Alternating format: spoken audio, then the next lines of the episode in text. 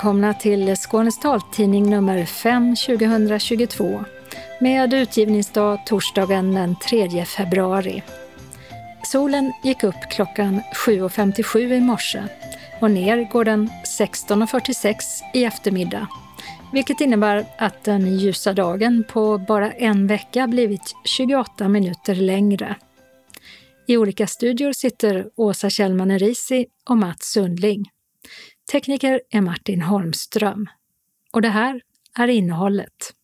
Pandemirestriktionerna tas bort i Danmark, men här blir de kvar ett tag till. Och smittspridningen är fortfarande hög. Två personer anställs för att utbilda synskadade i länet hur man använder sin smarta mobil. SRF Skåne har fått en halv miljon i projektstöd från regionen. Taggat men nervöst när synskadades rätt till färdtjänst var uppe i skånsk rätt. Dålig färdtjänstlag kräver mer engagerade politiker, tycker SRFs förbundsjurist. Kontrastmarkeringar saknas och dörröppnare sätts inte upp. Trots lagar och riktlinjer om tillgänglighet accepteras halvdana lösningar. Det visar ny forskning. Appen Mina Tåg, som nyligen släpptes, ska göra det lättare att få tillgänglig information om förseningar och spårbyten. Lagförslaget om parkeringsförbud för elsparkcyklar är bra, men det räcker inte. Det menar Malmöpolitiken Rocco Kurschar. Och synskadade Vickis Fedrell hade helst sett ett förbud i tätorter. Öppnat och stängt med sushi, curry och ost. Dyrare frakter och svårt att få tag på komponenter till synhjälpmedel under pandemin för företag i synbranschen. Evenemangstips med Helen Keller Teater och syntolkad TV. Kalendern med vinter-OS och Agabussdag. Anslagstavlan med regionala och lokala meddelanden och inbjudningar samt ändringar i kollektivtrafiken. Och sist redaktionsrutan. Men först till coronaläget. Och det här var det som gällde när tidningen lästes in i tisdags. Den höga smittspridningen i Skåne fortsätter och i förra veckan var det drygt 31 000 personer i Skåne som bekräftades smittade med covid-19 jämfört med veckan dessförinnan då motsvarande siffra var drygt 28 500. På sjukhusen i länet vårdas 253 patienter på vårdavdelning medan åtta personer var inlagda på IVA. Folkhälsomyndigheten har ändrat rekommendationerna från när dos 3 av vaccin mot covid-19 ska ges till tre månader efter dos 2. Innan var det fem månader som skulle gå mellan doserna. I förra veckan så hade regeringen och Folkhälsomyndigheten en gemensam pressträff där de bland annat konstaterade att smittspridningen ännu inte nått sin kulmen och är fortsatt mycket hög.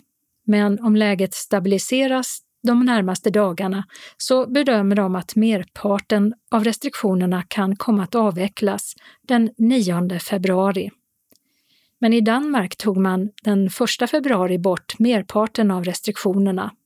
Det behövs till exempel inte längre munskydd i kollektivtrafiken. Inte heller att man ska visa vaccinpass för att gå på restaurang, teater eller en simhall. Och förbudet mot att sälja alkohol på till exempel barer och restauranger efter klockan 22 slopas också. Länsstyrelsen i Skånes samhälls och hälsokommunikatörer tillsammans med myndighetens tillfälliga covid-19-enhet samt olika vaccinationsteam fortsätter att uppsöka kommuner för att informera och svara på frågor om covid-19-vaccinet samt erbjuda vaccinering. I veckan har Helsingborg och Sjöbo redan fått besök. Den 3 februari är man i Malmö på Flyktinghälsan Bennets väg 8 mellan klockan 13 till 15.30 och på lördag den 5 februari får Landskrona besök och då är platsen Teatern på Järnvägsgatan 2 klockan 10 till 15. SRF Skåne har fått en halv miljon kronor av Region Skåne för att utbilda personer med synnedsättning i att använda smarta mobiler. Projektet beräknas starta i maj och ska pågå i ett år. Och det vänder sig både till de som inte ser alls och de som har lite syn kvar. Henrik Eld är ombudsman för SRF Skåne. Ja, men det är väl klart att vi blev jätteglada för det. För att eh, vi har ju eh, uppvaktat Region Skåne i den här frågan en tid. Och eh, påtalat eh, behovet av en eh, grundutbildning för synskadade i att använda smarta mobiler. Det har inte riktigt funnits från regionen, det stödet. för man får eh, via synmottagningen stöd med att lära sig hjälpmedelsappar. Men man behöver ju lära sig hela grunden i hur telefonen funkar för att kunna använda den på ett sånt sätt som man, man behöver för att vara digitalt delaktig. Och eh, det har ju både regionen och vi sett som ett problem. Eh, och nu har vi hittat eh, den här lösningen som vi har presenterat. Vi hade, hade lite olika förslag på lösningar men man fastnade på detta upplägg. Att vi skulle ta hand om en sån här grundutbildning. Och hur efterlängtat är det bland synskadade? Tror du det är många som kommer att nappa? Ja, det tror jag för att behovet av utbildning är ju stort och Särskilt sen eh, kurserna på Glimåkra försvann. Hur kommer utbildningen att gå till? Ja, vi kommer börja med att rekrytera pedagoger. Det blir två tjänster. Den ena kommer att ha spetskompetens på förstorande hjälpmedel och den andra på eh, talsyntes och punktdisplay, alltså voice-over och talkback. Och eh, de kommer att jobba i ett team tillsammans, så det är 75 procent tjänst på båda. Och det ska vi gå ut och söka de här personerna nu som vill anta den här utmaningen och söka de här jobben. Och sen så kommer vi att eh, eh organisera om lite på kansliet så att man kan komma till oss där och få den här utbildningen. Hur många personer som kommer att hinna få den här utbildningen är inte klart ännu. Och den som behöver utbildningen mest kommer i första hand att få gå. Och då är det en pedagog som arbetar med dem som har lite syn kvar och en som arbetar med dem som inte ser alls. Vi kommer att få prioritera de som har störst behov. Så det kan vara så att eh, om du har kommit igång med en eh, telefon och kan använda den med röstassistenten och så här så är man kanske inte föremål för att få en insats hos oss nu utan vi ska försöka få igång personer som inte är med på det här digitala tåget. Så det kommer i första hand att vara personer som inte alls har kommit i kontakt med eller alls kan använda en smarttelefon. Det behovet kan finnas hos en som är 50 år och det kan finnas hos en som är 75 år. Och vad betyder den här utbildningsinsatsen, tror du, när det gäller just det här digitala utanförskapet som man har talat mycket om? Att det är många som, mm. som hamnar utanför på grund av att de inte kan alla digitala hjälpmedel. Ja, meningen är ju att det här projektet ska leda till att betydligt fler inte befinner sig i ett eh, digitalt utanförskap utan att man kommer i ett digitalt innanförskap istället. Och ni ska också ha någon form av samarbete med synenheterna. Hur ska det gå till? Det kommer framför allt att vara en löpande utvärdering av projektet för att eh, det inte bara ska bli ett projektår utan vår förhoppning är ju att eh, detta leder vidare till någonting som alla tycker fungerat bra och som, som kan bli en lösning som fortsätter. Och eh, därmed så kommer vi att eh, löpande utvärdera detta tillsammans med eh, Region Skåne. Hur kommer det sig att det plötsligt löste sig och ni fick pengarna tror ni? För ni har väl efterfrågat det här länge?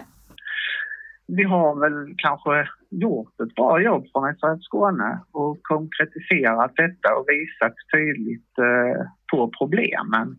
I september så träffade vi ju psykiatri, habilitering och hjälpmedelsnämnden och då visade vi ju rent praktiskt skillnaden på hur man använder en smart telefon när man inte ser jämfört med när man är seende.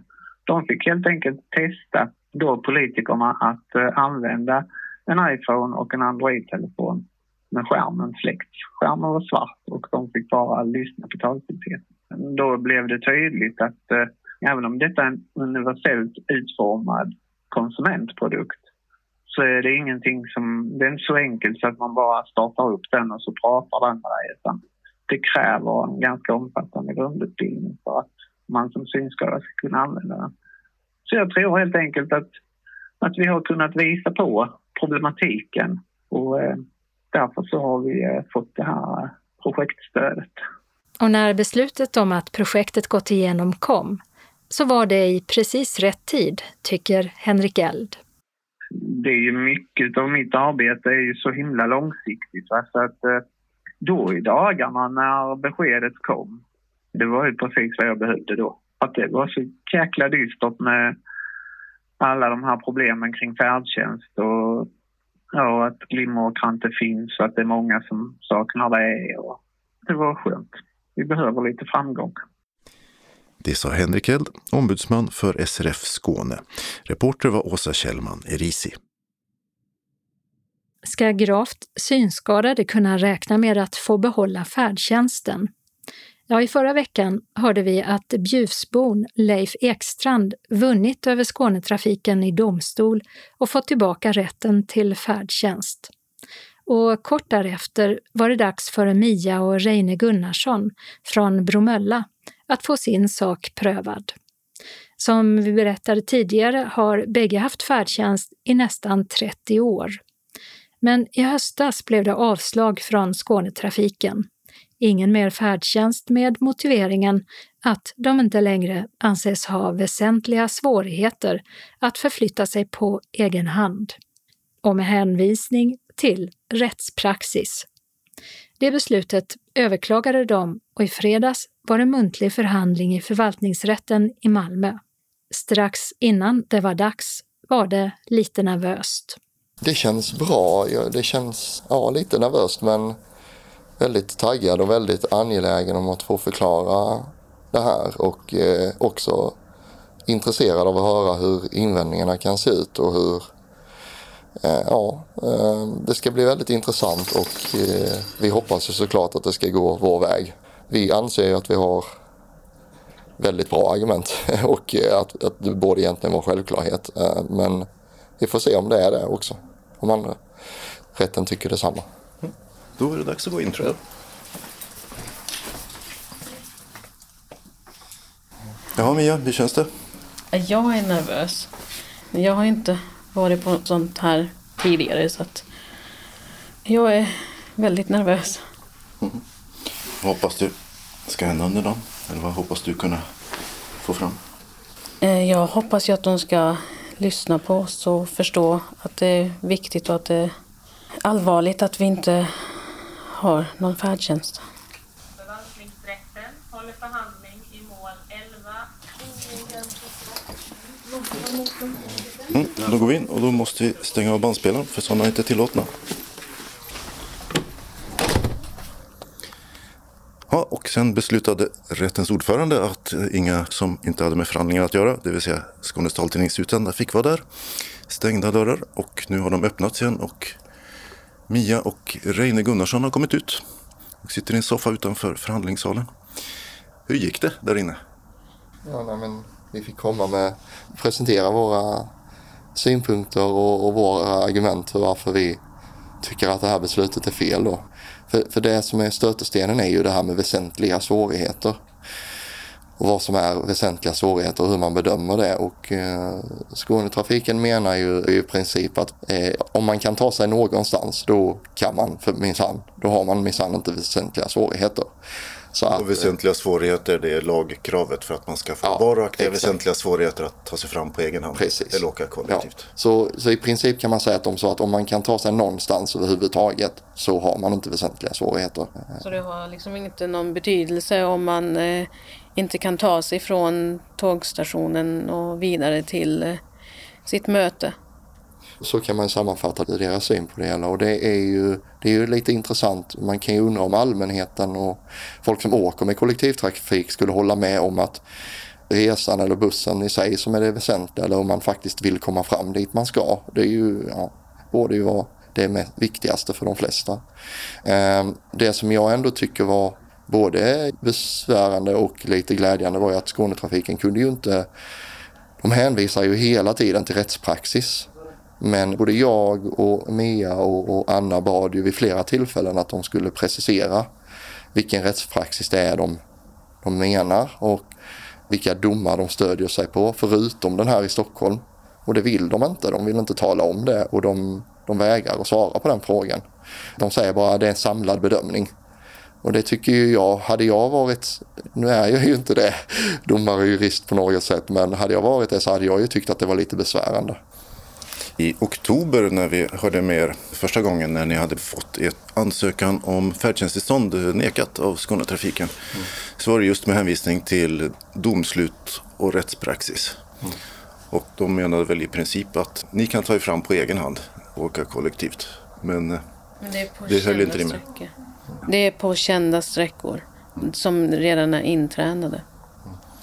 Och problemet kan väl vara då när det inte är kända miljöer, när man hamnar någonstans där man inte är bekant. Precis. Ni har överklagat det här som nummer två i Skåne, vad vi känner till i alla fall. Ni är unga och rörliga, ni har ledarhund och ute och har jobb och fritidsaktiviteter och ni har funderat en del på vad det betyder att bli av med färdtjänsten. Alltså nu är ju, för mig, eh, nu blir det ju mycket mer begränsat i jobbet. För att nu är det så att jag kommer inte att kunna ta mig ut själv från bostaden och till min arbetsplats. Och i det här fallet så är min arbetsplats hemma hos brukaren och sen ta mig hem därifrån. Så nu kommer det att behövas hjälp av eh, min arbetsgivare. Du jobbar på många olika ställen hemma hos olika personer? Jo. Ja, och även föreningsengagemang som vi har påverkas ju av att man inte kan ta sig. Vi hade planer på att fira nyår på Almåsa som alla, de flesta känner till av lyssnarna här. Eh, men det fick vi ju ställa in för att det går inte att ta sig ut dit utan bil helt enkelt från eh, centralen. Och har man då inte färdtjänst så kan man inte få färdtjänst i annan kommun heller. Och det är ju lite, på något sätt, även om det kan framstå som en bagatell så är det på något sätt lite talande att man kan inte ens ta sig till synskadades egen kursgård om man inte har färdtjänst. så att det, det, det blir lite belysande tycker jag. Ja, en sån där okänd miljö som är stötestenen då. Där tidigare domare har pratat om att kan man ta sig fram någonstans eh, så kan man inte utesluta att man kan lära sig resten också. Precis. Ungefär. Mm. Och det kan ju vara så att vi vill gå ut och äta på en restaurang någonstans i närheten, Kristianstad.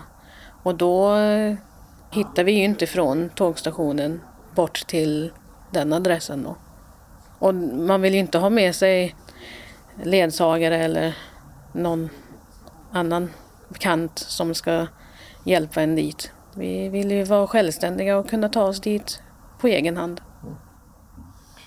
Jag gick ju en utbildning här i somras till instruktör i hemberedskap och krisberedskap som eh, Civilförsvarsförbundet och eh, MSB tog initiativ till.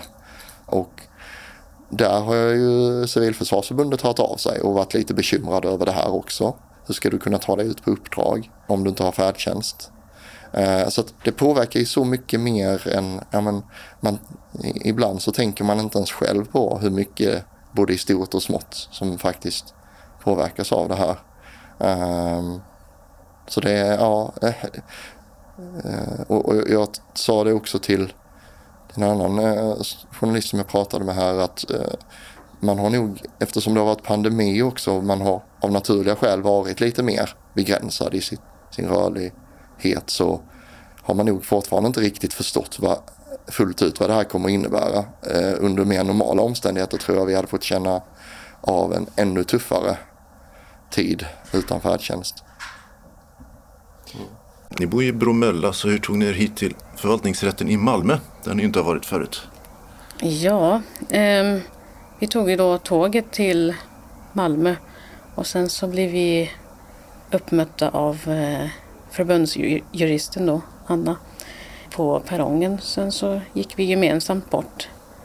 Eh, men det var en fråga som vi ställde oss själva för några veckor sedan hur vi skulle lösa det där för att eh, boka en vanlig taxi och kolla om det taxibolaget tar ledarhundar och sådär. Det kändes lite stökigt så att eh, vi ringde och frågade hur vi skulle göra och då kom vi fram till, till den lösningen.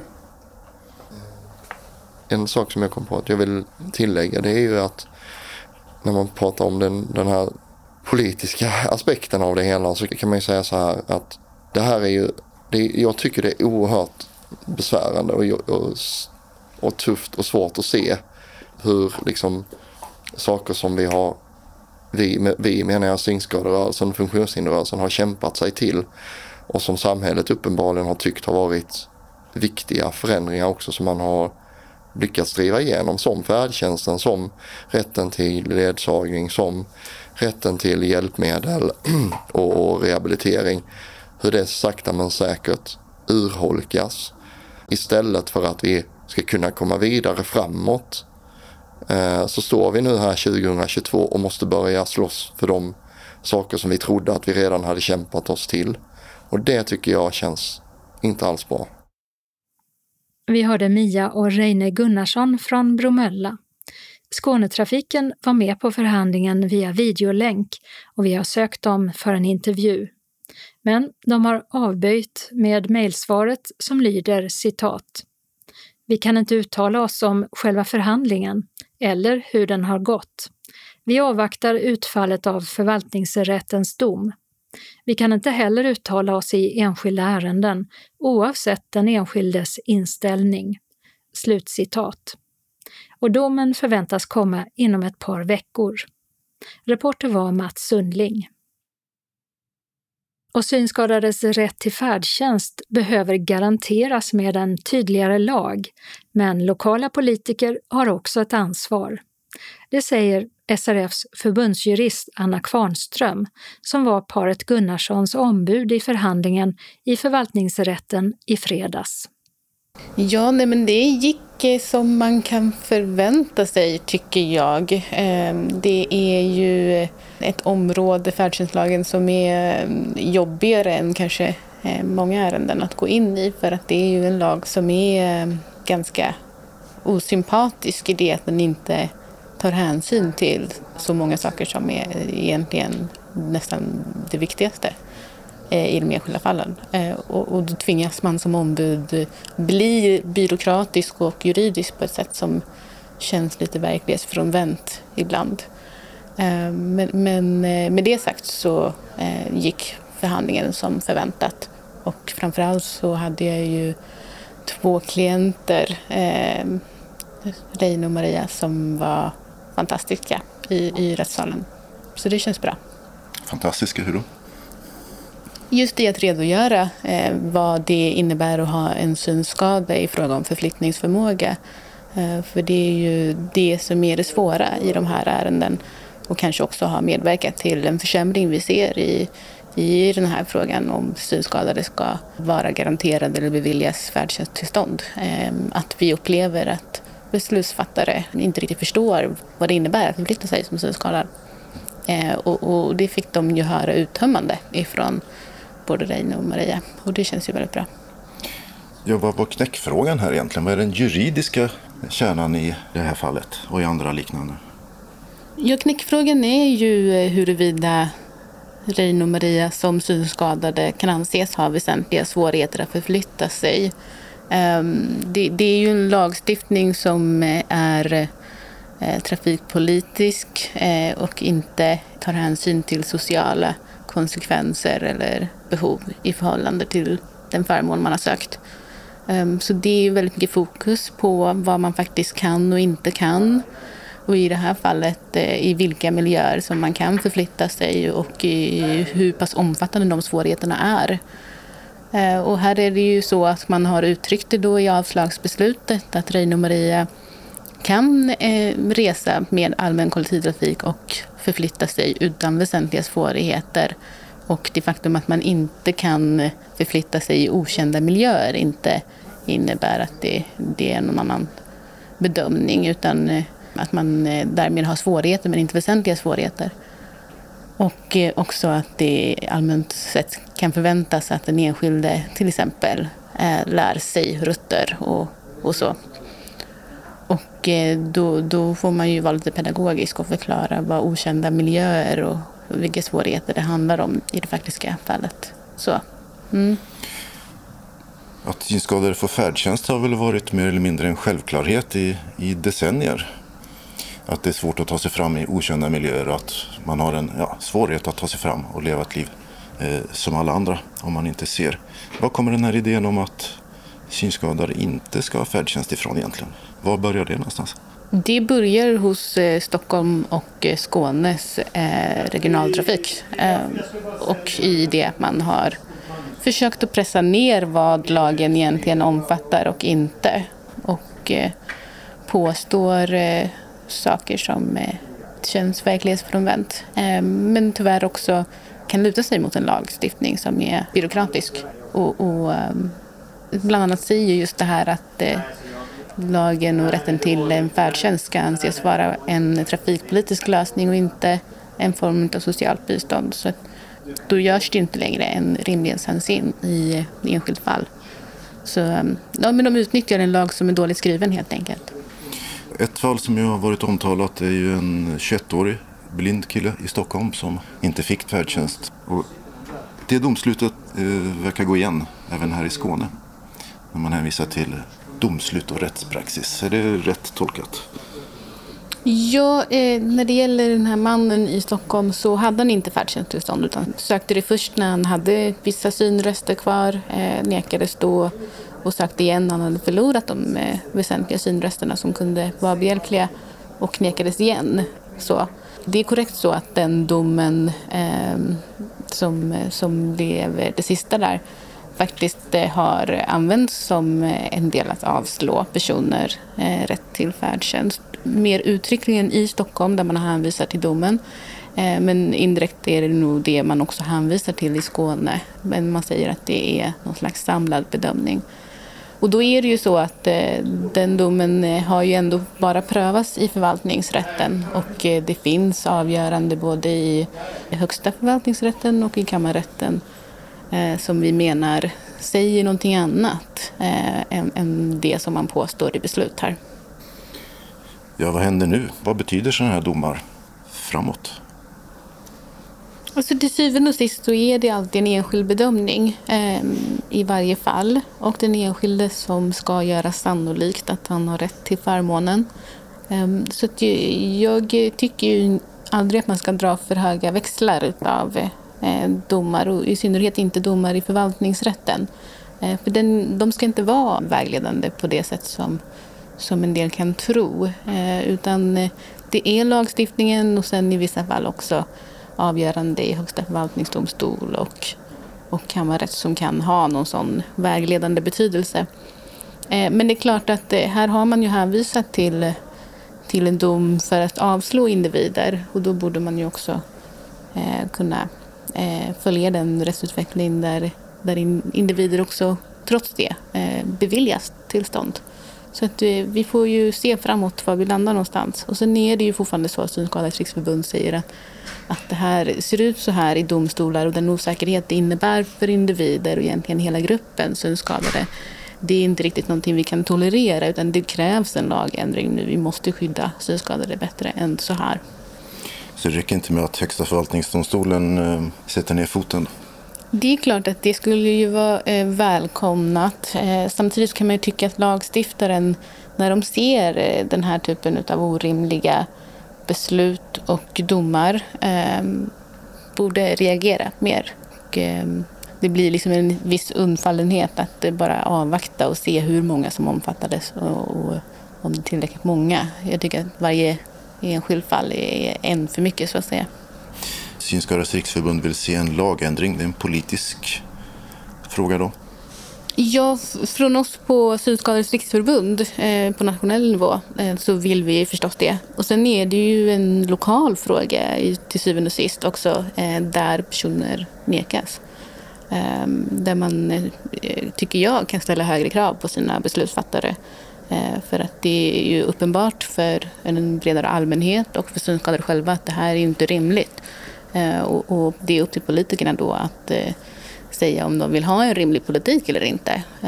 Så jag tycker att det, det, det vilar ju ett ansvar här på, på regionen också. Jag frågade det förut, hur det kommer sig att synskadade blir av med rätten till färdtjänst. Är det politiker eller tjänstemän som ligger bakom?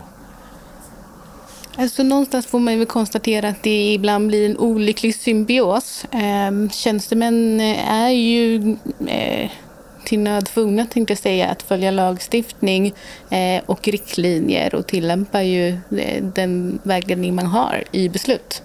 Ehm, men det är ju så att politiker alltid kan fatta mer generösa beslut än golvet på lagstiftningen. Färdtjänstlagen anger ju bara minimumkrav, vad man förväntar sig.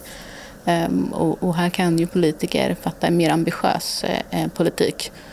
Och eh, om det är tjänstemännen som har lurat i politikerna att man har genom färdtjänstlagen så att säga diskvalificerats politik eh, eller om det är politiken som har liksom bristande mission, det kan inte jag säga. Men det är ju uppenbart att, att man både i Skåne och Stockholm borde kunna genomföra eh, förbättringar om politiken så vill.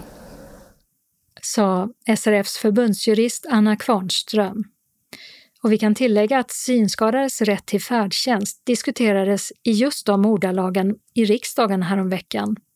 Liberalernas ledamot Bengt Eliasson frågade då infrastrukturminister Thomas Eneroth från Socialdemokraterna om inskränkningarna var acceptabla eller om ministern var beredd att göra en översyn av lagen. Eneroth konstaterade att färdtjänsten är ett kommunalt och regionalt ansvar och att färdtjänstlagen inte ställer upp några hinder för mer generösa tolkningar och sa att han mycket noga följer blinda och synnedsattes rätt till färdtjänst. Den första diskussionen, menade han, måste tas av lokala politiker, framför allt i Stockholm och Skåne. Men, citat, om man inte tar det ansvaret utesluter jag inte att vi från statens sida, riksdag och regering, måste agera och ytterligare skärpa lagstiftningen.” Slutcitat. I debatten uttalade Kristdemokraternas Pia Stensland sig också för en översyn av rättspraxis, om den nu börjar strida mot funktionsnedsattas fulla delaktighet i samhället. Reporter var Mats Sundling. Trots tillgänglighetspolicys och antidiskrimineringslagstiftning så accepteras ändå halvdana lösningar och otillgänglighet. Det visar forskning vid bland annat universiteten i Malmö och Lund. Och det kan handla om anpassning av byggnader, om ledstråk och om digitalisering av kollektivtrafik och sjukvård. Hanna Egard är forskare i socialt arbete vid Malmö universitet och redaktör för en nyutkommen forskningsantologi med fokus på att förstå det vardagliga motstånd som finns mot att fullt ut inkludera personer med funktionsnedsättning. Och så här säger hon om den pågående digitaliseringen inom kollektivtrafiken. Man försöker ju förbättra och utveckla kollektivtrafiken få fler att använda kollektivtrafiken och förbättra detta med hållbarhet och social hållbarhet och minska biltrafiken och minska flyget. Och då försöker man liksom arbeta fram bättre kollektivtrafik. Och i det handlar ju också då om att digitalisera, att göra tjänster mer tillgängliga under dygnets alla timmar, kunna köpa biljetter digitalt fler och fler sätt att betala och hålla koll på allt från spårändringar till trafikomställningar. Det har ju skett en kraftig digitalisering. I och med det då så har det också skett att mer och mer flyttas till mobiltelefoner. Också inom vården blir mer och mer service som ska skötas av olika maskiner och också av den enskilde via olika maskiner. Och förutom att sätta fingret på att digitala verktyg måste fungera för alla i samhället så har eh, Hanna Egard och andra forskare tittat på den fysiska tillgängligheten i samhället.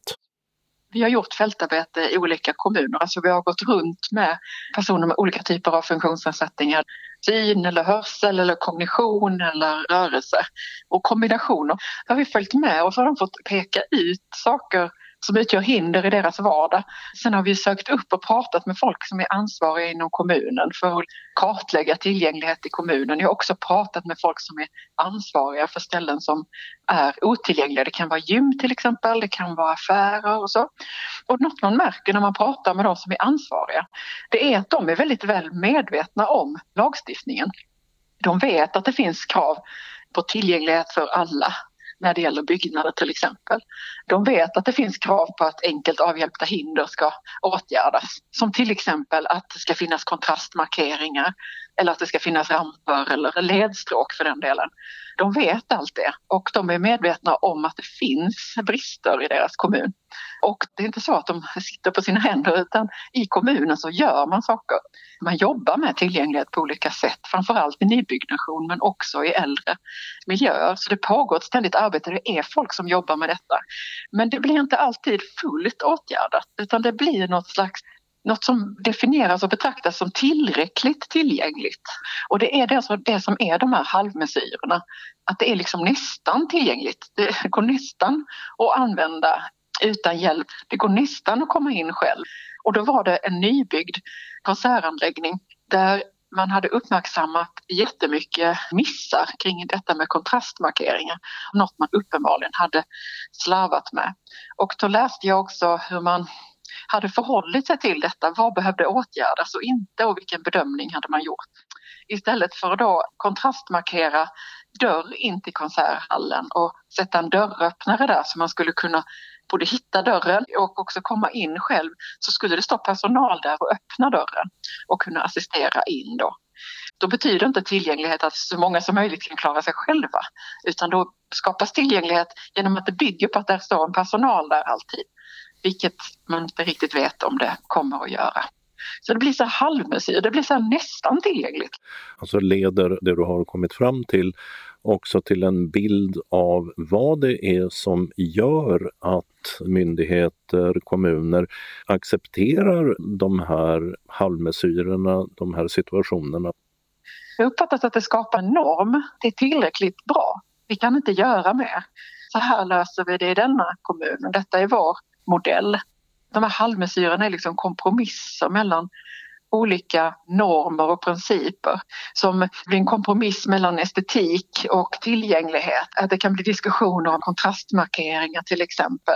Alltså vita streck, att det kan anses vara då fult eller avvika för mycket. Där kanske man inte gör någonting alls därför att estetiken går före.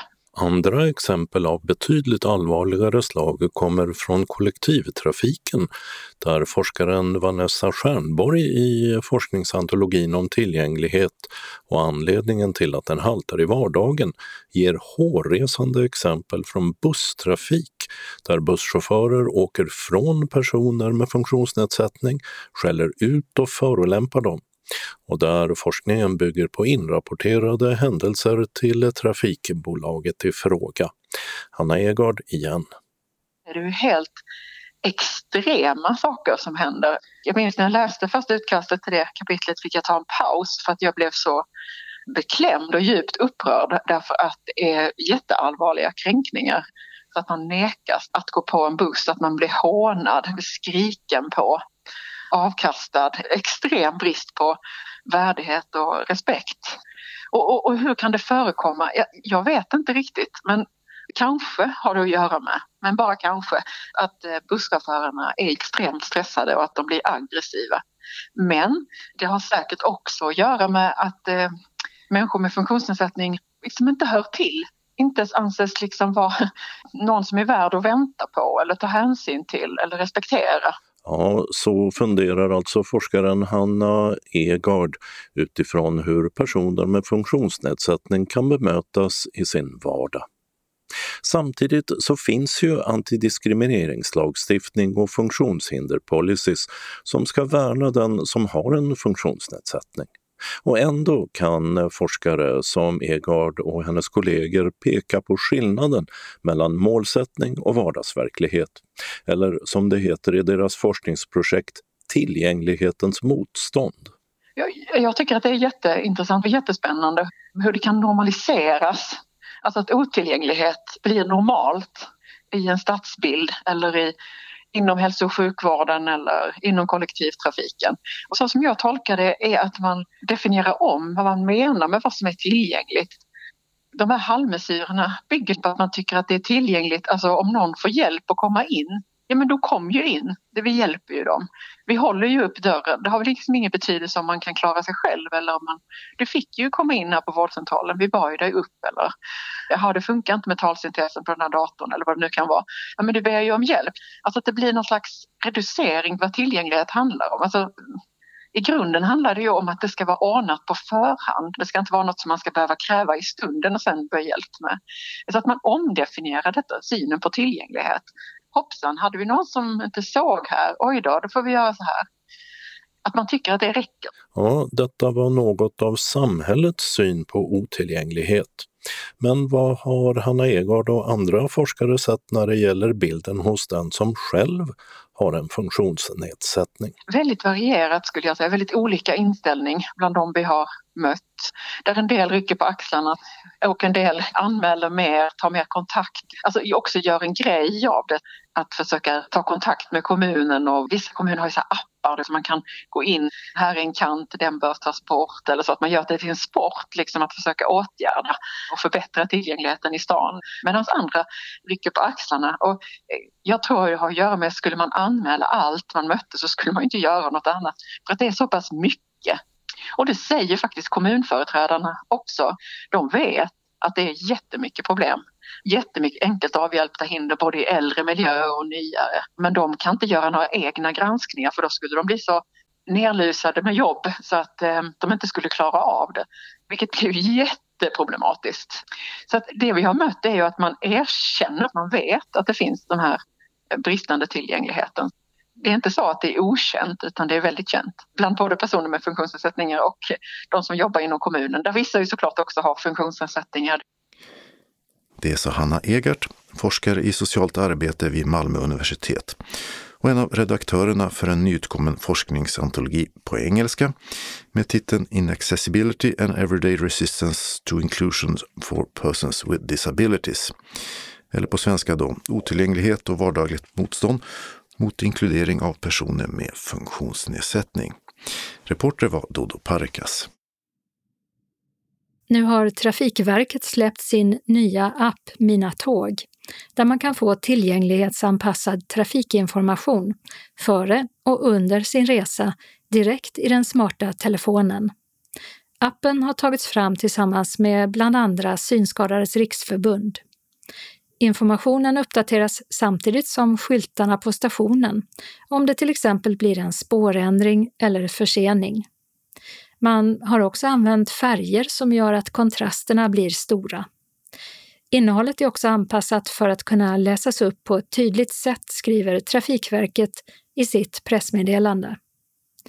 Synskadades riksförbunds förbundsordförande Niklas Mattsson säger i en kommentar att citat vi tror att Mina tåg kan komma att spela en viktig roll som komplement, men kan aldrig ersätta utropen.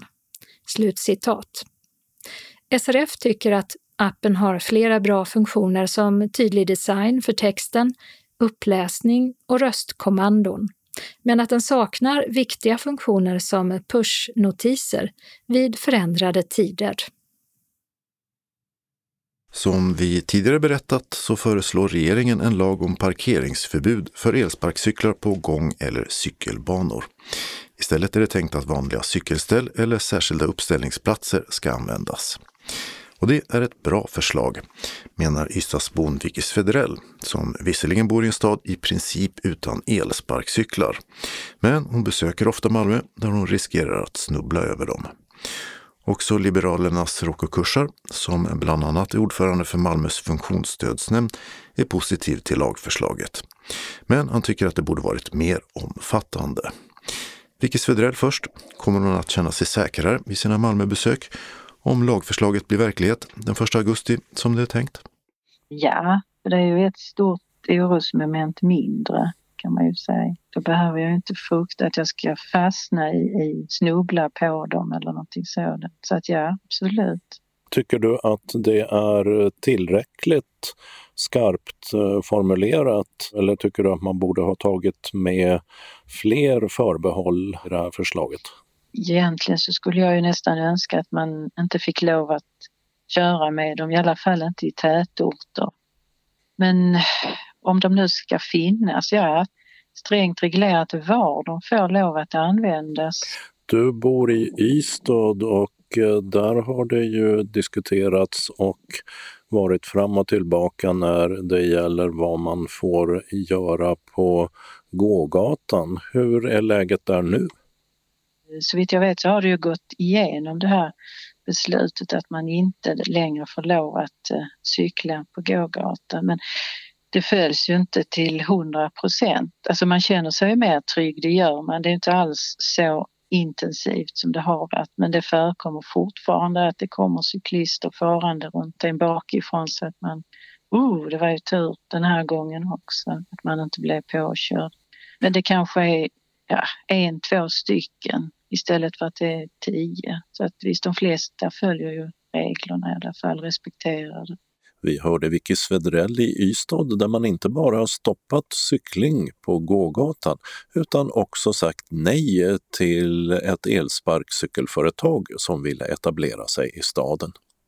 Vicky hon besöker ibland Malmö och tänker sig att det kommer att bli mindre farligt där för henne som synskadad om lagförslaget om parkeringsförbud går igenom och hon slipper snubbla över felparkerade elsparkcyklar.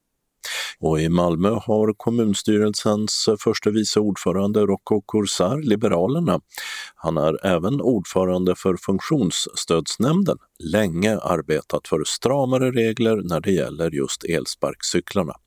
Och Corsar, han är glad över regeringens förslag om parkeringsförbud för dessa på gång och cykelbanor. Men han menar att lagförslaget inte går tillräckligt långt jag välkomnar eh, regeringens eh, förslag. Jag har varit kritisk eh, till att man från statligt håll har varit senfärdiga med konkreta lösningar på problemet med felparkerade eller kastade elsparkcyklar på gång och cykelbanor i vår stad. Jag hade önskat att man från statligt håll vidtar fler åtgärder. Och vilka åtgärder är det du efterlyser? Om man går tillbaka till eh, den utredning som regeringen tillsatte eh, 2019 och vad man då kom fram till där var att eh, kommuner skulle ha tillräckligt med verktyg för att lösa detta på egen hand och man pekade bland annat på att införa hyrcykelsystem som man har för vanliga cyklar. Malmö stad hade gärna sett att kommunen skulle kunna upphandla elsparkcykeluthyrning precis som man gör med vanliga hyrcyklar. Men däremot vill man inte att elsparkcyklarna ska omfattas av samma regelverk som vanliga cyklar utan betraktas som en egen typ av fordon. Bland annat för att så att säga stämma i bäcken för att kunna ingripa direkt mot bara elsparkcyklar om det skulle uppstå nya typer av problem med dessa. Jag hade önskat att man tydliggör att eh, elsparkcyklar är ett eget sorts eh, fordon. Vi har inte tidigare haft erfarenhet av elsparkcyklar i den här mängden på våra gator och torg och våra offentliga rum. Då måste man också säkerställa att man har rätt grundförutsättningar för att kunna vidta åtgärder också. Och jag anser att ett parkeringsförbud eh, är ett steg i rätt riktning men jag befarar att tiden kommer att visa att det kommer att krävas fler statliga åtgärder. Avslutade Rocco Kursar som alltså bland annat är ordförande för funktionsstödsnämnden i Malmö. Malmö kommun är också en i raden av remissinstanser som nu har tid på sig till den 25 april att svara på hur de ställer sig till regeringens promemoria om lagstiftning kring elsparkcyklarna. Där det bland annat också nämns att man inte föreslagit att dessa måste låsas fast i särskilda ställ, som fallet är med vanliga hyrcyklar i många städer. En anledning sägs vara att det skulle vara för dyrt och besvärligt för uthyrningsfirmorna. Rapporter var Dodo Parikas. Öppnat och stängt. I Simrishamn har all vuxenutbildning samlats under ett tak på Fredsdalsgatan 7 i Österlensgymnasiets tidigare lokaler. SFI, grundskola och gymnasieutbildning för vuxna samsas i lokalerna med olika högskoleutbildningar hos Campus Österlen. Där finns också studie och yrkesvägledare fem dagar i veckan. I Ystad flyttar fler och fler verksamheter in i Ystad Racket Clubs sportanläggning. Sedan en tid tillbaka finns sex paddelbanor, men nu har också ett nytt gym, H3, en sushi-restaurang, Sushino Sport, samt shop och konferenslokaler öppnat. I Ystad har Ostkällaren bytt lokaler och istället för att söka sig till Stortorget 10 när man vill köpa ost får man nu ta sig till Stora Östergatan 1, dit butiken flyttat efter 25 år i samma lokal. I Trelleborg har en ny restaurang öppnat, Chill Out Sushi, på Kontinentgatan 2. I Kristianstad har Tandori och curryrestaurangkedjan Chalimar öppnat på Västra Storgatan 51P vid Södertorg i restaurang Novums tidigare lokaler, där även Narins pasta och pizza huserat. I Tomelilla har Pölsemannen vid köpcentret Bo Olsson stängt. Det gäller både vagnen som står utanför på parkeringsplatsen och restaurangen inne i varuhuset. I slutet av nästa månad hoppas ledningen för varuhuset att en ny, mer varierad restaurangverksamhet ska finnas på plats där. I vårt förra nummer av Skånes taltidning berättade vi att synmässan än en gång ställts in på grund av den höga smittspridningen under pandemin. Och för synföretagen har pandemin också inneburit andra svårigheter, som dyrare frakter och svårt att få tag på komponenter till hjälpmedel av olika slag. Peter Helge, som är ordförande i leverantörsföreningen Svensk Syn, är också marknads och försäljningschef på företaget Low Vision International, LVI, i Växjö, som producerar läskameror och läsmaskiner. Vad det gäller vår varuförsörjning, vår, vår anskaffning av produkter som också har blivit påverkade av pandemin, eh, inte minst eh, på transportsidan då där frakter eh, har blivit otroligt mycket dyrare men också svårare att, att hitta kapacitet eh, för. Så att eh, det, det, är många som, som haft bekymmer givetvis eh, i den änden också. Hur mycket dyrare har frakterna blivit till exempel?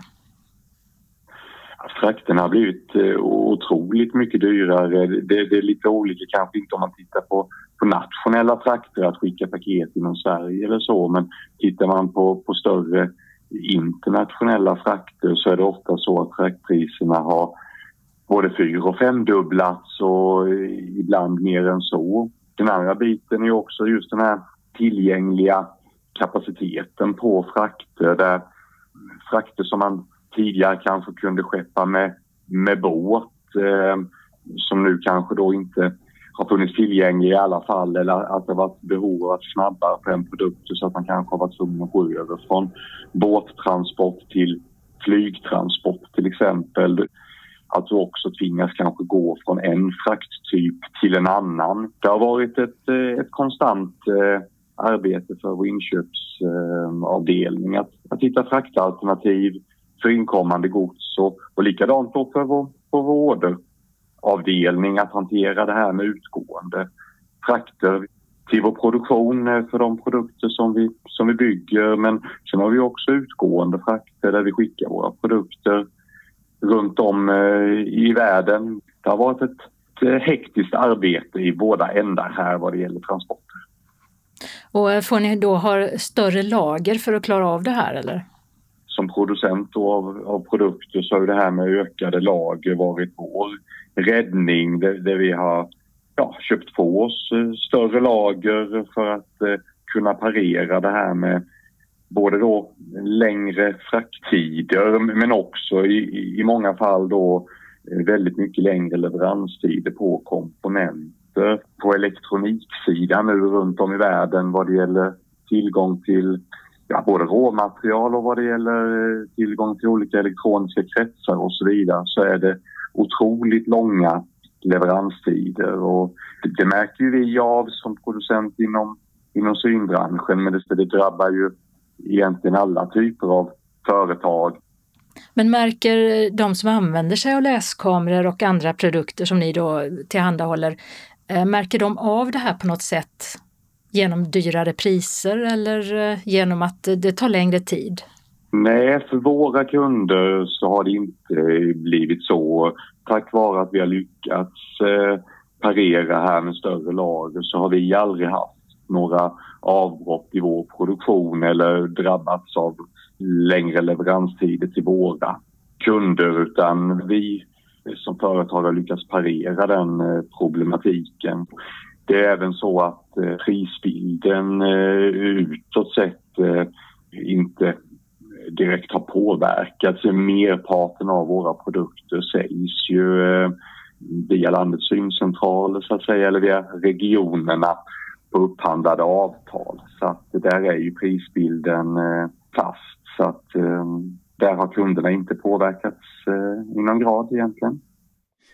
Det sa Petter Helge, marknads och inköpschef på LVI, men också ordförande i Svensk Syn. Reporter var Åsa Kjellman Risi. Evenemangstips. På Månteatern i Lund ges monologen Tre sinnen fredag den 4 och lördag den 5 februari klockan 19. Och pjäsen handlar om den världskända Helen Keller som 18 månader gammal förlorade både syn och hörsel. Efter flera år fick hon redskapen för att kommunicera och en helt ny värld öppnade sig. På scenen Stina Wartz och för text och regi står Johan Watz med originalmusik av Pierre Oxenryd. Kulturcentralen säljer biljetterna som kostar 150 kronor. Är man student eller arbetssökande eller pensionär kostar de 100. Och det finns i talande stund bara ett fåtal biljetter kvar till fredagens föreställning. På söndag den 6 februari är det syntolkad premiär på tecknad tv för de minsta. Det är tredje säsongen av Pinos dagbok. En serie om en liten björn och hans vänner Pinolina och Pingvinen med flera och deras äventyr. Serien är baserad på Agneta Norlids, Eva Pils och Kenneth Anderssons böcker. Syntolkningen är gjord av Eli Tistelö och är inläst av Magnus Johansson. Och serien går på SVTB med start klockan 14. Två femminuters avsnitt kommer att sändas efter varandra i tio veckor på samma tid på samma kanal. Och den som inte vill vänta kan redan nu se hela serien på UR Play, där också de två första säsongerna finns. Den som prenumererar på vårt nöjesmail får länken här. Guldkassett-juryns ordförande författaren och journalisten Ulrika Knutsson besöker Veberöds bibliotek på Dalbyvägen 1 för att berätta om sin senaste bok, Den besvärliga Elin Wägner. Och det gör de på onsdag den 8 februari klockan 18 till 19.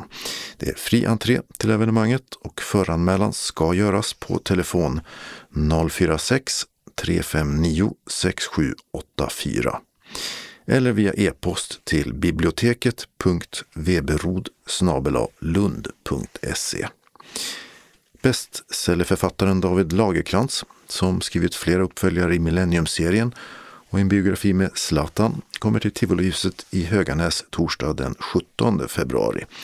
Klockan 19 till 20.30 ska han samtala med Katja Solman och säkert gärna om sin nya och egna deckare Obscuritas som är tänkt att bli en egen serie. Biljetter för 100 kronor säljs av Nortic och på biblioteket. Det officiella Queen-tributbandet Queen Extravaganza ges ut på en turné för att fira bandets 50-årsjubileum. Showen som är producerad av originalmedlemmarna Roger Taylor och Brian May gör tre stopp i Sverige. Varav ett i Malmö på Kulturbolaget KB på Bergsgatan den 7 mars klockan 20. Biljetterna kostar 495 kronor och finns att köpa via Eventim. Musikern Markus Krunegård ska ut på en turné kallad Krunehof och den når KB i Malmö fredag den 11 mars. Eventim säljer biljetter dit för 450 kronor. Och lördag den 19 mars spelar Krunegård på The Tivoli i Helsingborg. Dit Tixter har biljetter för 395 kronor. Bägge konserterna ska börja klockan 20. Komikern Carl Stanley ska ut på en Sverigeturné med sin föreställning Akta huvudet, som redan sålt slut på flera håll. Men det finns biljetter till föreställningen i Medborgarhuset i Eslöv fredag den 25 mars klockan 17 och de kostar 375 kronor. Och till Palladium i Malmö den 26 mars klockan 16 samt 19.30 och den 27 mars klockan 19. Kulturcentralen har ett fåtal biljetter till dem för 365 kronor. Och lördag den 2 april klockan 16 uppträder Stanley i Helsingborgs konserthus för samma peng. Biljettinformation. Helsingborgs konserthus når man på 042 10 42 80. Kulturcentralen har 040 10 30 20. Nortic 0455 61 97 00. Tixter 0771 47 70 70. Och Eventim 0771 65 10 00. Kalendern för vecka 6 börjar med måndag den 7 februari då Rickard och Dick har namnsdag. Vinter-OS i Peking börjar redan på lördagen och nu körs damernas storslalom med svenska medaljhoppet Sara Hector på startlinjen. För på dagen 30 år sedan, alltså 1992, skrevs Maastrichtfördraget under av ministrar från EGs 12 medlemsländer. Och den Europeiska gemenskapen blev till Europeiska unionen, EU, med långt större maktbefogenheter. Somliga ville gå fort fram mot ett Europas förenta stater medan till exempel Storbritannien förhöll sig skeptiskt. En skiljelinje som ju bara blivit tydligare. Danmark folkomröstade först nej till avtalet medan Sverige gick med först ett par år senare. Tisdag den 8 februari är det Berta och Bert som har namnsdag. I vinter-OS är det dags för längdskidåkningens sprintdistans med vinterns suverän Maja Dahlqvist och regerande världsmästaren Jonna Sundling som ett par av spelens största svenska guldhopp. Och det har gått precis 70 år sedan en 25-årig prinsessa utropade sig själv till drottning Elisabeth II och brittisk monark. Något hon ju fortfarande är om hon fortsätter i två år och 100 dagar till har hon regerat längre än till och med Ludvig den XIV, den franske solkungen som styrde under stora delar av både 1600 och 1700-talen. Men sen är det en bit till världsrekordhållaren Sobosa den andre som var kung över Svasiland i mer än 82 år. Onsdag den 9 februari har Fanny och Francisca namnsdag. I Uppsala ska det bli stavhoppsgala av och med den svenska världsettan Armand Duplantis som ju bor där sedan två år tillbaka. Och i OS drar herrarnas hockeyturnering med Tre Kronor på plats igång. 80 år fyller den amerikanska singer-songwritern Carole King som skrivit mängder av låtar åt andra, bland andra Beatles, och själv hade stora framgångar framförallt på 70 och 80-talen. Genombrottet kom 1971 med skivan Tapestry och här en snutt ur titellåten. Soon within my tapestry along the rutted road He sat down on a river rock and turned into a toad It seemed that he had fallen into someone's wicked spell And I wept to see him suffer though I didn't Torsdag den 10 februari firar vi Iris. Och den här dagen för 100 år sedan föreslog Anders Pers, som kom från Mora och var chefredaktör på Västmanlands läns tidning, att man ska anordna ett nytt skidlopp. Och det ska vara till minne av Gustav Vasas flykt från Mora till Sälen. Loppet var tänkt att bli ett riktigt mandomsprov och gå under namnet Vasaloppet. Förslaget vann snabbt gehör och bara några veckor senare gick startskottet för en tradition som nu alltså jubilerar. 117 skidåkare tog sig hela vägen in i mål i det första loppet och Ernst Alm blev den första vinnaren. Och med sina 22 år fortfarande den yngsta vinnaren av Vasaloppet. Fredag den 11 februari har Yngve och Inge namnsdag. I OS är det dags för 10 000 meter skridsko och frågan är vad som kan hindra Nils van der Poel från att ta hem titeln till Trollhättan. Redan på söndagen har han sin första chans, då på halva distansen. Samma fredag kan Kristdemokraternas partiledare Ebba Busch fira sin 35 födelsedag. Och den amerikanska rocksångerskan Sheryl Crow fyller 60 år jämt. Lördag den 12 februari är det namnsdag för alla Evelina och Evi. Och den lågmälda sångerskan Sofie Selmani, som lär ha spelat in de flesta av sina 13 album på Österlen i en studio där, fyller 50 år jämt. Söndag den 13 februari är det dags för OS-skidskyttets jaktstart med Hanna Öberg och Sebastian Samuelsson bland flera svenska hopp. I kyrkans almanacka är det Septuagesima och i kalendern som fanns till förra sekelskiftet är det Agabus namnsdag efter en av Jesus lärjungars lärjungar som spred den kristna tron och fick ett tråkigt slut som tack. Mer glädjande är att vintern i Skåne försvinner på Agabus dag, åtminstone enligt det gamla då. Och det förklaras med att skånskans aga betyder åka och att vintern härmed åkte bort. Namnsdag sedan 1901, det har Agne och Ove. Den regionala anslagstavlan börjar med ett meddelande från Skånes taltidningskansli. Kom ihåg att meddela oss om du ändrar adress. Vi får inga automatiska meddelanden från folkbokföringen. Och om du inte hör av dig till oss så får du ingen CD-tidning när eftersändningen upphört. Tänk också på att meddela oss ditt mobilnummer om du stänger av din fasta telefon, om du vill att vi ska kunna nå dig per telefon. Skånes taltidnings kansli har telefonnummer 040 673 0970 eller så e-postar du till Skanes taltidning skane.se. Så ett meddelande från SRF Skånes arbetsgrupp för kultur och fritid som bjuder in till luffarslöjd, även kallat trådslöjd, lördagen den 12 februari klockan 10 till 16 med Melker Rosenberg, konsthantverkare och ABF-cirkelledare i Åstorp. Vi är en trevlig grupp som träffas igen vid två tillfällen för att lära mer om de olika teknikerna. Är du intresserad och vill hänga med oss så är du välkommen. Inga förkunskaper behövs. Vi har provat på att göra lite ljusstake, äggkoppar, dekorativt träd, ampel till blommor, potatisspann och skålar. Vi får nu själva välja vad vi vill skapa med den varmglödgade tråden. Det kommer att bli en spännande fortsättning. Träning ger färdighet. Deltagaravgift 200 kronor per person.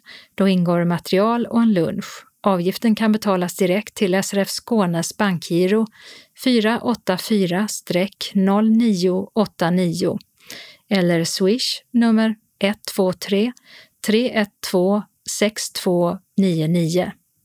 Glöm inte att ange namn och att det gäller slöjd.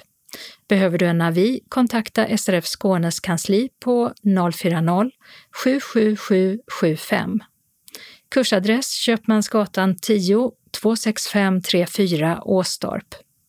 Kopia på kvitto eller färdtjänstfaktura skickas till SRF Skånes kansli senast tre månader efter aktiviteten, så får ni ersättning för era resekostnader. Sista anmälningsdag är måndag 7 februari till Sara Eriksson, ABF Nordvästskåne, e-post sara.eriksson abf.se Direkttelefon 042 590 45, växel 042 590 40. Berätta om du har någon matallergi när du anmäler dig och uppge namn, adress, postnummer och ort, personnummer samt e-postadress. Sara svarar även på frågor om kursen. Även aktivitetsansvarig är Liz Malmborg från SRF Skånes arbetsgrupp för kultur och fritid och hon svarar på frågor, e-post, liss.malmborg gmail.com och Liss det stavas med två Z på slutet. Telefon 070-242 6074. Välkommen med din anmälan. Synskadades riksförbund Malmö Svedala bjuder in till syntolkad teater, Chefen. Välkommen till en teaterföreställning som syntolkas på Intiman fredagen den 25 mars samling klockan 18.15.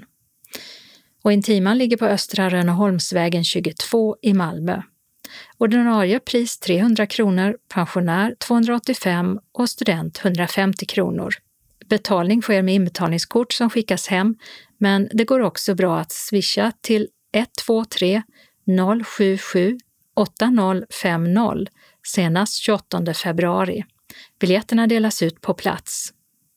Alla besökare måste ha vaccinbevis med minst två doser samt giltig fotolegitimation för att komma in på våra föreställningar.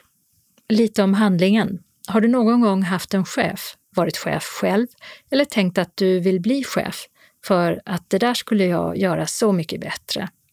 Då kommer du definitivt att känna igen dig i den här komedin. Föreställningen börjar klockan 19 och är en timme och 30 minuter lång.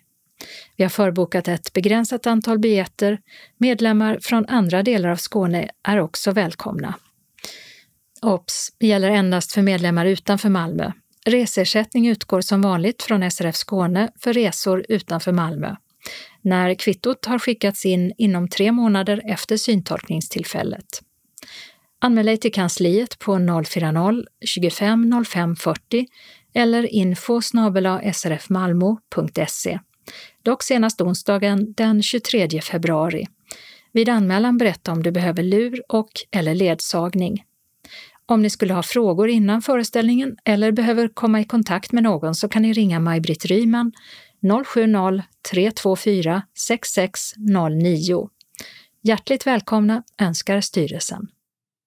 Den lokala anslagstavlan är idag delad och är gemensam för mellersta och sydöstra och sydvästra Skåne och börjar med ett meddelande från SRF Lundabygden som bjuder in till kulturafton med temat hjärt och lungräddning den 9 februari. Det blir en lärorik afton där Reine Gunnarsson kommer och visar och lär oss hjärt och lungräddning. Du bjuds också på kaffe och något smarrigt att äta. Vi samlas klockan 18 i föreningslokalen på Tordönsvägen 4i, Lund och beräknas hålla på fram till 21.00. Du anmäler dig till kansliet 046 211 0674 och din anmälan behöver vi ha senast den 7 februari. Avgiften är 50 kronor. Du kan själv välja om du vill betala via vårt bankgironummer 506-9992 eller kontant när du kommer. Men vi vill då be dig att du har jämna pengar med dig. Välkommen! SRF Lundabygden bjuder också in till sitt gymnastik, Vardag i balans. Vi startar upp året med en grupp på max åtta personer. Vi kommer som tidigare hålla till i källarplan i föreningslokalen. För att kunna starta en grupp krävs det att vi blir minst fem deltagare. Vi har förhoppningen om att kunna starta den 17 februari klockan 11 till 11.45. Efter gymnastikspasset bjuds du på fika. Deltagaravgift 400 kronor för 10 gånger som sätts in på vårt bankgiro. Önskar du ett inbetalningskort så säg till när du anmäler dig. Och anmäler dig gör du till kansliet senast den 10 februari. Synskadades riksförbund Malmö Svedala har flera meddelanden. Aktiviteter under vecka 6. Välkommen till SRF Malmö Svedalas dagverksamhet. Vi serverar kaffe och smörgås eller kaka till en kostnad av 10 kronor. Vi vill att alla anmäler sig till kansliet 040 25 05 40 om man tänker komma på någon av dagaktiviteterna. Senast klockan 10 samma dag som aktiviteten. Känner man sig sjuk stannar man hemma. Måndagen den 7 februari klockan 13 till 15. Tidningsläsning och eller frågesport. Tisdagen den 8 februari klockan 13 till 15.15 15, bingo. Sen ett meddelande om att det är dags för en härlig pubkväll.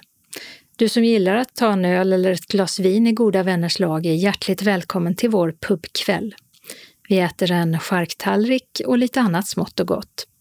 Fredagen den 18 februari startade hela klockan 18 i föreningens lokal på Wendelsfridsgatan 13. Priset för maten är 75 kronor om du är medlem i SRF Malmö Svedala och övriga betalar 100 kronor. Drycken är till självkostnadspris. Meddela vid anmälan om du vill ha alkoholfri öl eller vin så ordnar vi det till självkostnadspris. Du betalar in deltagaravgiften till föreningens bankgiro 192-9645 eller via Swish till 123 077 8050. Betalningen för drycken kan du antingen ge kontant på kvällen eller swisha. Om du swishar, glöm inte att meddela kansliet hur mycket och vad det avser. Anmäl dig till kansliet på telefon eller e-post senast måndagen den 14 februari. Glöm inte att meddela vid anmälan om allergier eller specialkost. Vi tar emot max 20 personer på grund av restriktionerna gällande covid-19, så det är först till kvarn som gäller. Väl mött hälsar styrelsen. Och en inbjudan till ost och vinprovning. Du är varmt välkommen till föreningen Vännäsfridsgatan 13 i Malmö torsdagen den 24 februari klockan 18 till en ost och vinprovning. Någon från Möllans Ost kommer till oss och ger oss lite lättsam kunskap om ost, kombinationer mellan ost och viner och spännande tillbehör. Vi serveras fem ostar och tre viner, rött, vitt och sött. Allt detta kommer att kosta 300 kronor för medlemmar i SRF Malmö Svedala och icke-medlemmar betalar 450 kronor. Deltagaravgiften ska vara inbetald senast den 17 februari via bankgiro 192-9645 eller swish 123 077 8050. Behöver man inbetalningskort så är det bara att meddela kansliet vid anmälan. Färdtjänst kan beställas hem till klockan 20.30. Vill du vara med så är måndagen den 7 februari klockan 8.30 första dagen du kan anmäla dig till kansliet och dock senast tisdagen den 15 februari. Vi tar emot max 20 personer på grund av restriktionerna och det är först till kvarn som gäller. Välkomna önskar styrelsen. Annons från valberedningen SRF Malmö Svedala. Lördagen den 12 mars håller föreningen sitt årsmöte och valberedningen vill gärna ha in förslag på personer som vill sitta i styrelsen under de kommande två åren. Vi behöver också förslag på intresserade medlemmar som vid två tillfällen under året kan delta vid SRF Skånes representantskapsmöten. Undrar du över något eller om du vill veta vad det innebär att sitta i styrelsen så ring gärna någon av oss i valberedningen. Välkomna med dina förslag allra senast den 15 februari. Kerstin Ekström 072 200 8850 Roger Wittiko 072 209 94 56. Ulla-Britt Rönnhage 070 230 04 84. SRF Sydöstra Skåne kallar till årsmöte lördagen den 19 mars klockan 13 till 17 på Österlenkryddor, Karlsfältsvägen 363 i Köpingebro. Vi inleder med att äta en varmrätt. Efter mötesförhandlingarna serveras kaffe, te med kaka. Hela aktiviteten är kostnadsfri. Medlemmar får som vanligt sina resekostnader ersatta mot kopia på färdtjänstfaktura. Vi måste ha fått din reseräkning senast tre månader efter årsmötet för att kunna betala ut ersättningen. Din anmälan som är bindande vill vi ha senast söndagen den 13 mars till Jonny Ekström 0739 093945.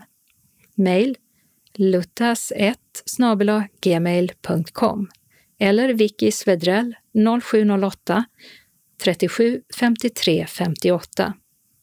När du anmäler dig vill vi att du talar om ifall du behöver särskild kost eller har något annat önskemål som vi bör ta hänsyn till. Om du vill ha årsmöteshandlingar skickade till dig i förväg, kontakta snarast vår ordförande Jonny Ekström. Varmt välkommen hälsar styrelsen. Vi har några tillfälliga ändringar i busstrafiken och då gäller det busslinje 100 och 300 på Falsterbovägen i Skanör som gäller fram till den 29 april. På grund av ett arbete med rondell på Malmövägen i Skanör stängs hållplats Triangeln läge A och B tillfälligt. Och resenärerna hänvisas till tillfälliga hållplatser. För läge A hänvisas till läge X, cirka 70 meter framåt i bussens färdriktning. För läge B hänvisas till läge Y, cirka 75 meter bakåt motsatt bussens färdriktning. Anslagstavlan för norra Skåne börjar med ett meddelande från SRF Kristianstad-Bromölla som bjuder in sina medlemmar till kamratträff torsdagen den 17 februari klockan 14 till 16.30 i Östermalmskyrkan, Lasarettsboulevarden 6. Före detta bibliotekarie Kerstin Lovén kommer att underhålla oss med att berätta skrönor, vilket hon gör med stor inlevelse. Dessutom kommer vi att fika tillsammans. Anmäl deltagande senast onsdagen den 9 februari till Tina, telefon 070-635 4114. Varmt välkomna! SRF Norra Skåne har föreningsmöte och årsmöte. Kära medlemmar, på grund av den utökade smittspridningen av pandemin och att vi inte får vara på senioren har styrelsen beslutat ställa in föreningsmötet i februari och att vi kommer att ha årsmötet på telefon. Vi hoppas att så många som möjligt kan delta. Välkommen till SRF Norra Skånes årsmöte söndagen den 6 mars klockan 14. Vi har bjudit in Niklas Mattsson, SRFs förbundsordförande, som ska leda årsmötesförhandlingarna. Alla kommer att få handlingarna hemskickade. Gör så här, ring 08 120 490 20. En röst ber er att slå koden som är 0138 fyrkant. Anmäl dig senast den 28 februari till Anna-Lena Pekkele, mobil 070 3600 647 eller e-post alp.ledarhund gmail.com. Styrelsen hälsar alla hjärtligt välkomna och vi önskar att kunna mötas igen till våren. Anna-Lena Pekkilä, ordförande. SRF Västra Skåne bjuder först in till cirkelgympa start. Måndagen den 7 februari klockan 14 till 15 i SRFs lokal på Vaktgatan 3 i Helsingborg. Kursavgiften är 250 kronor för 10 gånger. Mikael Grönhed kommer att hålla i kursen. Till musik gör vi olika rörelser medan vi sitter eller står. Allt efter vars och en förmåga. Konditionen tränas upp, vilket förbättrar hälsan. Anmäl dig till kansliet, telefon 042 15 83 93 eller mejl srf.monica för att kontrollera om det finns plats för dig. Både tidigare och nya deltagare hälsas varmt välkomna. SRF Västra Skåne har också ett meddelande om månadsmöte tisdagen den 8 februari klockan 14 till 16.15. I SRFs lokal på Vaktgatan 3, fikaavgift 30 kronor. Det blir vanliga mötesförhandlingar med nominering till valen av styrelse och representanter till SRF Skåne. Vi får besök av Kai Stenberg som ska prata om hur man upprättar ett testamente. Det gäller att anmäla sig om du vill komma eftersom vi bara får vara 20 sittande personer i stora salen just nu. Det finns också möjlighet för sex personer att sitta i angränsande rum. Tveka inte utan anmäl dig till kansliet. Om du vill nominera någon kan du också kontakta kansliet. Välkomna! SRF Västra Skåne meddelar också att Polar Print har visning onsdagen den 9 februari klockan 13 till 16 i SRFs lokal och PolarPrint kommer att visa upp förstorings och läshjälpmedel. Eftersom Hälsovårdsmyndigheten meddelat att endast får vara 20 sittande personer i en gemensam sal måste du anmäla dig för att få veta om du får plats och det gör man till kansliet senast måndagen den 7 februari. Välkomna! Vi har några tillfälliga ändringar i busstrafiken och då gäller det först Kristianstad och Stridsvagnsvägen. På grund av ett arbete med en mittrefug upprättas två tillfälliga hållplatslägen för resenärer med linje 4 på Älmetorpsvägen under ett kortare arbete från den 3 februari klockan 7 till den 4 februari klockan 16. Hållplats Kristianstad stridsvagnsvägen läge A mot Lingenässkolan stängs. Hänvisning till hållplats läge X cirka 300 meter österut. Och hållplats stridsvagnsvägen läge B mot Norra Åsum stängs. Hänvisning till tillfällig hållplats läge Y cirka 330 meter österut. Och vi har en ändring i busstrafiken för linje 230 som gäller Svalöv och Harjagersvägen. Fram till den 31 mars stängs hållplatsen Brandstationen läge A och B, tillfälligt på grund av ombyggnation. För läge A gäller att man hänvisar till en tillfällig hållplats, läge X, cirka 50 meter bakåt motsatt bussens färdriktning. För läge B hänvisas till en tillfällig hållplats, läge Y, cirka 25 meter framåt i bussens färdriktning. Det här var allt för Skånes taltidning för denna gång. Nästa gång vi kommer ut, då är det torsdagen den 10 februari. Skånes taltidning ges ut av Region Skånes psykiatri och habiliteringsförvaltning. Ansvarig utgivare är Martin Holmström. Postadress Jörgen Ankersgatan 12, 211 45 Malmö. Telefon 040-673 0970. E-post Skanes taltidning snabela skane.se och hemsida skanestaltidning.se. Vi hörs igen. Hej då!